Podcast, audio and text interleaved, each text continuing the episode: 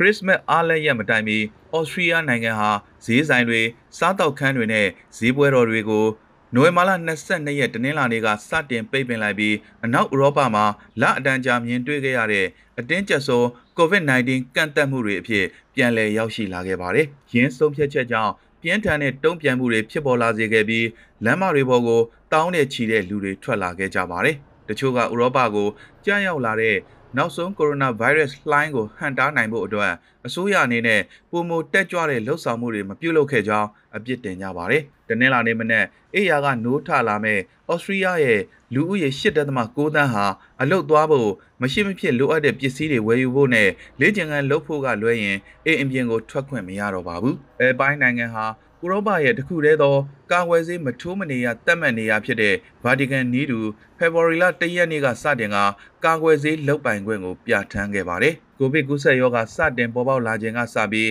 နှစ်နှစ်နီးပါးအကြာမှာတကြောပြန်ဖြစ်ပွားလာတဲ့ကပ်ရောဂါကိုတိုက်ဖြတ်ဖို့ကြိုးစားနေတဲ့ဥရောပတိုက်ရဲ့နိုင်ငံအများပြားဟာစားတောက်ဆိုင်တဲ့ဘားတွေလိုနေရာမျိုးမှာ ကာဝယ်ဆေးမထိုးရသေးသူတွေကိုဝင်ရောက်ခွင့်တားမြစ်ထားပါတယ်။ဒါပေမဲ့ကာဝယ်ဆေးကိုကြဲကြဲပြန့်ပြန့်ရရှိနိုင်တဲ့ဥရောပသမဂ္ဂနိုင်ငံဟာတင်းကျပ်တဲ့နိုင်ငံလုံးဆိုင်ရာကန့်သက်ပိတ်ပင်မှုတွေပြန်လုပ်ဖို့ဆုံးဖြတ်ခဲ့ပါတယ်။ဩစတြီးယားရဲ့ယခုဆုံးဖြတ်ချက်ဟာတင်းကျပ်တဲ့ virus ကန့်သက်ချက်တွေဆိုတာအတိတ်မှာကြံခဲ့တဲ့အရာပဲဖြစ်စေရမယ်ဆိုတဲ့အစောပိုင်းကဂတိကဝတ်ကိုချိုးဖောက်ရာရောက်ခဲ့ပါတယ်။နွေရာသီအကုန်ကကယောဂအဆုံးသက်ပြီလို့ Adipity Civision Cars ကနေကြီးညာခဲ့ပါတယ်။ဒါပေမဲ့မြန်မာတဲ့ကူးစက်နှုန်းစံချိန်တင်ယောဂဖြစ်ပွားနှုန်းနဲ့သေဆုံးမှုတွေတိုးလာတဲ့အတွက်အစိုးရအနေနဲ့ရခင်ကရဲရင်စွာပြောဆိုခဲ့တဲ့ဂရီးကွေတွေကိုနောက်ပြန်ဆုတ်ဖို့တွန်းအားဖြစ်လာစေခဲ့ပါတယ်။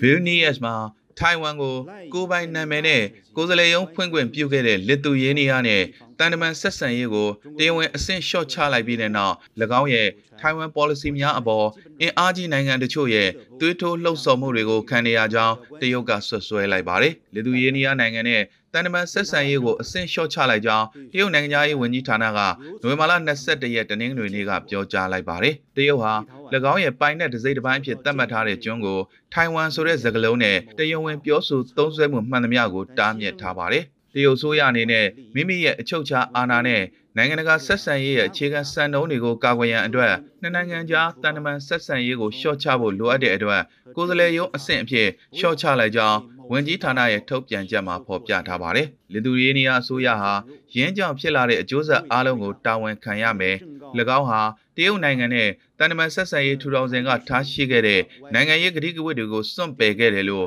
၎င်းမှာဖော်ပြပါရှိခဲ့ပြီးဒါဟာတရုတ်နဲ့ဆက်ဆံတဲ့နိုင်ငံတွေအနေနဲ့ထိုင်ဝမ်နဲ့ပတ်သက်ပြီးတရားဝင်အတိမတ်ပြုရမယ် One China မူကိုဆိုလိုတာဖြစ်ပါတယ်။လစ်သူရေးနီးယား နိုင်ငံသားရေးဝန်ကြီးဌာနကတော့တရုတ်နိုင်ငံရဲ့ဆုံးဖြတ်ချက်အတွက်စိတ်ပြက်မိကြောင်းတနင်္ဂနွေနေ့မှာပဲထုတ်ပြန်ခဲ့ပါတယ်။မိမိတို့အနေနဲ့တရုတ်ရဲ့ One China မူကိုလက်ခံသလိုတစ်ချိန်တည်းမှာပဲထိုင်ဝမ်နဲ့ပူးပေါင်းဆောင်ရွက်မှုကိုတိုးချဲ့ပိုင်ခွင့်ရှိကြောင်းဝန်ကြီးဌာနရဲ့ထုတ်ပြန်ချက်မှာဖော်ပြခဲ့ပါတယ်။လစ်သူယေးနီးယားဝန်ကြီးချုပ် Angrida Simonite ကတော့ Vilnius မှာရှိတဲ့ထိုင်ဝမ်ရုံးဟာတန်တမန်အဆင့်မရှိဘူးလို့အလေးပေးပြောကြားခဲ့ပါတယ်။ဖိလစ်ပိုင်သမ္မတ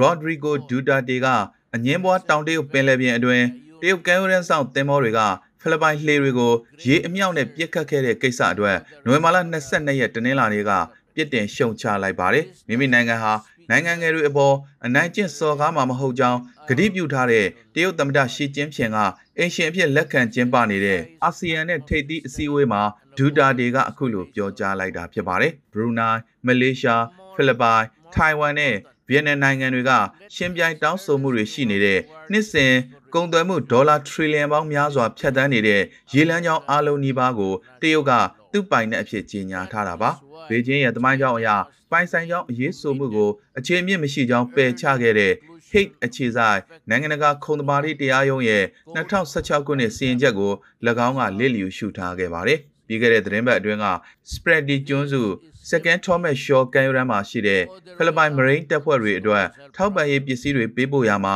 တရုတ်ကမ်းခြေဆောင်သင်္ဘောတွေကရေအမြောက်တွေနဲ့ပစ်ခတ်ခဲ့တာကြောင့်တယံဇာရကျွယ်ဝတဲ့ပင်လယ်ရေပိုင်တဲ့အတွင်းတင်းမာမှုတွေမြင့်တက်လာခဲ့ပါတယ်။ရင်းဖြစ်ရက်ကိုမနီလာအစိုးရကဒေါသတကြီးထုတ်ဖော်ပြောကြားခဲ့ပေမဲ့တရုတ်ကတော့ဖိလစ်ပိုင်သင်္ဘောတွေဟာခွင့်ပြုချက်မရှိဘဲ၎င်းရဲ့ရေပိုင်တဲ့အတွင်းကိုဝင်ရောက်လာခဲ့တယ်လို့ဆိုပါတယ်။မကြသေးခင်က အေယန်ငင်ရှောကလိုအဖြစ်ပြက်မျိုးကိုမိမိတို့ယွန်ရှာမုန်းတီးပြီးအခြားအလားတူဖြစ်လာနိုင်တာတွေကိုတေချာစောင့်ကြည့်နေတယ်လို့တရုတ်နဲ့အာဆီယံအစည်းအဝေးအတွင်းကမ်းခြေကိုဖိလစ်ပိုင်နာမည်တက်ပြီးဒူတာတွေကပြောကြားသွားပါတယ်။ဒီအဖြစ်အပျက်ကမိမိတို့နိုင်ငံတွေနဲ့မိဖက်တွေကြားမှာကောင်းမွန်တဲ့ဆက်ဆံရေးတစ်ခုဖြစ်မလာနိုင်ဘူးလို့၎င်းကဆိုပါတယ်။ ယင်းဒီမြုံနယ်မှုနဲ့ကုန်သွယ်မှုတိုးမြင့်နိုင်ဖို့မျှော်လင့်ချက်နဲ့2016ခုနှစ်အာဏာရလာခြင်းကလေးကတရုတ်နဲ့ဆက်ဆံရေးမြင့်တင်ခဲ့တဲ့ခေါင်းဆောင်တူဖြစ်သူဒူတာတေရဲ့ယခုမှတ်ချက်ဟာထူးထူးခြားခြားအားကောင်းနေခဲ့ပါတယ်ဒူတာတေကအဆိုပါမိန်ကွန်းပြောတဲ့အချိန်အစည်းအဝေးအတွင်းရှီတက်ရောက်ခြင်းရှိမရှိကိုတော့တေချာမသိရပါဘူး။တောင်တရုတ်ပင်လယ်ကို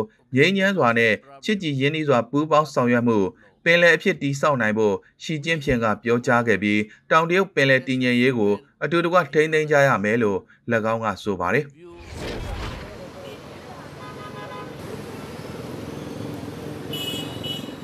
အိန္ဒိယနိုင်ငံတောင်ပိုင်းမှာရုတ်တရက်ရေလွှမ်းမိုးမှုအတွင်းလူ30ထက်မနည်းအသေးပြောက်ရှိခဲ့ပြီးဘတ်စကား3စီးမျောပါသွားခဲ့တယ်လို့နိုဝင်ဘာလ20ရက်စနေနေ့တို့သတင်းတွေအရသိရှိရပါတယ်။ Andhra Pradesh ပြည်နယ်မှာ ပြီးခဲ့တဲ့တောက်ကြနေ့ကမျောပါသွားတဲ့ဘတ်စကား3စီးတဲကနေအလောင်းဒါဇင်ချီကိုကယ်ဆယ်ရေးဝန်ထမ်းတွေဆွဲထုတ်ခဲ့ရတယ်လို့ဆိုပါတယ်။လူ18ဦးထပ်မံပျောက်ဆုံးနေသေးပဲလို့ News Minute သတင်းဌာနကဆိုပါတယ်။အိန္ဒိယနိုင်ငံမှာအော်တိုဘာလကစလို့မိုးကြီးရေရှမ်းပြီးမြေပြိုမှုတွေကြောင့်လူဒါဇင်ကြီးတေဆုံးခဲ့ပြီးဖြစ်တယ်လို့နိုင်ငံတောင်ပိုင်းကဒေသအတော်များများမှာမိုးတဲတန်စွာရွာသွန်းမယ်လို့မိုးသလဌာနကပြီးခဲ့တဲ့စနေနေ့ကပဲထုတ်ပြန်ခဲ့ပါတယ်။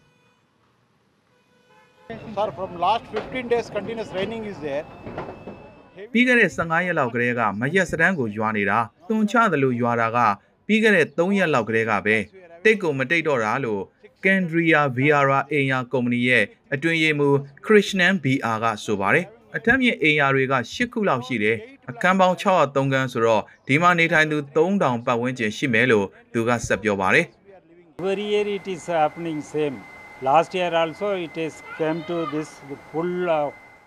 what is နှစ်တိုင်းဒီလိုပဲဖြစ်နေကြပါမနစ်တုန်းကရေကြီးပြီးအိမ်ထဲထိရေဝင်တယ်ရေတွေကလည်းနောက်ကြည့်လို့ရေလဲကျသွားရောတိမ်လုံးစေးကြောတန့်ရှင်းရတယ်အခုလဲဒီအတိုင်းပါပဲလို့ဘန်ဂလောဒေသခံမန်နီကပြောပါတယ် it is.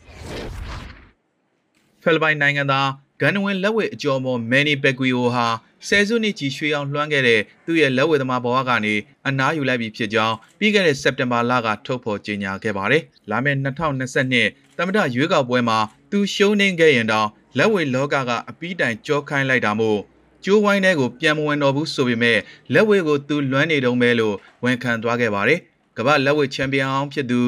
ပက်ကွီယိုဟာလူထောင်ပေါင်းများစွာတေဆုံးစေခဲ့တဲ့တမ်တာရော်ဒရီဂိုဒူတာတေရဲ့ရက်ဆက်ကြမ်းကြုတ်တဲ့မူးယစ်နှိမ်နင်းရေးစစ်ပွဲကိုပေါ်ပေါ်တင်တင်ထောက်ခံခဲ့သူဖြစ်ပါတယ်။သို့တော်လည်း2022အတွက်တမ်တာလောင်းအဖြစ်ဝင်ရောက်အရွေးခံမဲ့ပက်ကွီယိုဟာတမ်တာတက်တန်းကုံတော့မဲ့ဒူတာတေနဲ့တက်နိုင်သမျှခတ်ခွာခွာနေထိုင်နေပြီဖြစ်တယ်လို့မူရစေးနဲ့ပတ်သက်လို့ပြစ်မှုကျူးလွန်ထားသူတွေအနေနဲ့ဥပဒေကြောင်းအရသူတို့ကိုသူတို့ခုခံကာကွယ်ပိုင်ခွင့်ရှိတဲ့ကြောင်းထုတ်ပြောလာပြီးဖြစ်ပါတယ်။ ဒူတာဒေဟာမူရနှိမ်နှင်းရေးစစ်ပွဲအတွင်း၎င်းရဲ့သွေးချောင်းစီးဖြိုခွဲမှုအတွက်နိုင်ငံတကာရဲ့စုံစမ်းစစ်ဆေးမှုတွေကိုရင်ဆိုင်နေရပြီဖြစ်ပါတယ်။ပက်ကွေယိုဟာ၎င်းငယ်စဉ်ဘဝကစေးကြောင်းနဲ့ဒေတာတွင်းအမည်ရှာဘူးလို့ခေါ်တဲ့မက်သဖက်တမင်းစိတ်ကြွမူရစေးပြားတွေသုံးစွဲခဲ့မှုကြောင့်2016ခုနှစ်ကဝန်ခံလိုက်ချိန်မှာအားကစားလောကတစ်ခုလုံးတုန်လှုပ်သွားခဲ့ရပါတယ်။ လမ်းဘေးလေလွင့်ကလေးဘဝကနေအကြီးကျယ်ဆုံးလက်ဝဲသမားဘဝအထိခြုံကြားမှသည့်ဘုံပြားထိတက်လန်းနိုင်ခဲ့လို့လူသိများတဲ့ပက်ကွေယိုဟာတမ္မတရွေးကောက်ပွဲမှာဒူတာတေကိုအနိုင်ရဖို့စင်ရင်မွဲတေမှုရှော့ချရေးမူရည်စေးနဲ့အကျင့်ပြတ်ချစားမှုတိုက်ပြတ်ရေးစတဲ့ကြွေးကြော်တန်တွေနဲ့လှုပ်ရှားနေပြီဖြစ်ပါတယ်။လက်ရှိဖိလစ်ပိုင်အထက်လွှတ်တော်အမတ်ဖြစ်သူကမ္ဘာလက်ဝဲချန်ပီယံဟောင်းမန်နီပက်ကွေယိုဟာသူ့ရဲ့လက်ဝဲလောကကနေအနားယူမှုတမ္မတလောင်းအဖြစ်ဝင်အရွေးခံဖို့သူ့ရဲ့ဆုံးဖြတ်ချက် အဖေချေရနင်းမဲ့သူ့သားရဲ့အကြောင်းတွေကို AFP နဲ့တွေ့ဆုံစင်မှာအခုလိုပြောကြားခဲ့ပါတယ် My plan to run is uh, I, I am thinking about uh, backing out like that of my plan.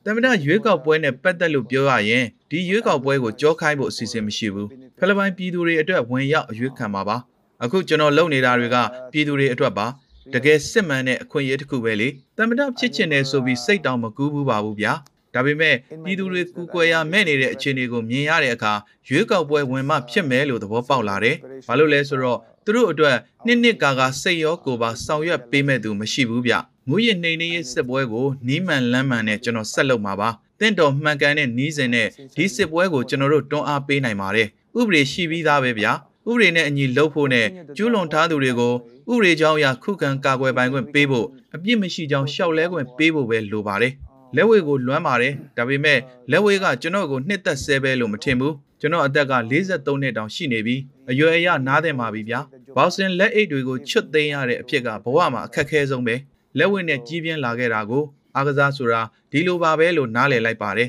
တကယ်တော့ကျွန်တော်သားဂျင်မြူရဲကိုလက်ဝဲမထိုးစေခြင်းဘူးဒါကိုတော့ကျွန်တော်ဘဝင်မကြဘူးအဖေလက်ဝဲကအဖေရဲ့ယူသွမှုဖြစ်တယ်လို့ ကျွန်တော်ရဲ့ယူသွမှုကလည်းလက်ဝဲပဲလို့သူပြောလာတိုင်းဒါဆိုငါကဘာလုပ်ပြရမှာလဲလို့ကျွန်တော်ပြန်မေးပြတယ်သားဖြစ်သူကိုအဲ့ဒီလိုပဲကျွန်တော်ပြောပြတယ်ကျွန်တော်လက်ဝဲသမားဖြစ်ခဲ့တာကစင်းရဲမွဲတေလွန်းလို့ဗျဘာဆိုဘာမှမရှိတဲ့ဘဝစားစရာတောင်မရှိဘူးအဲ့လိုအခြေအနေကြောင့်လက်ဝဲထိုးပြစ်တာလို့သူ့ကိုပြောပြတယ်မင်းလိုဘဝမျိုးသားငါရခဲ့ရင်ငါလက်ဝဲမထိုးဘူးလို့ပြောလိုက်တယ် I understand that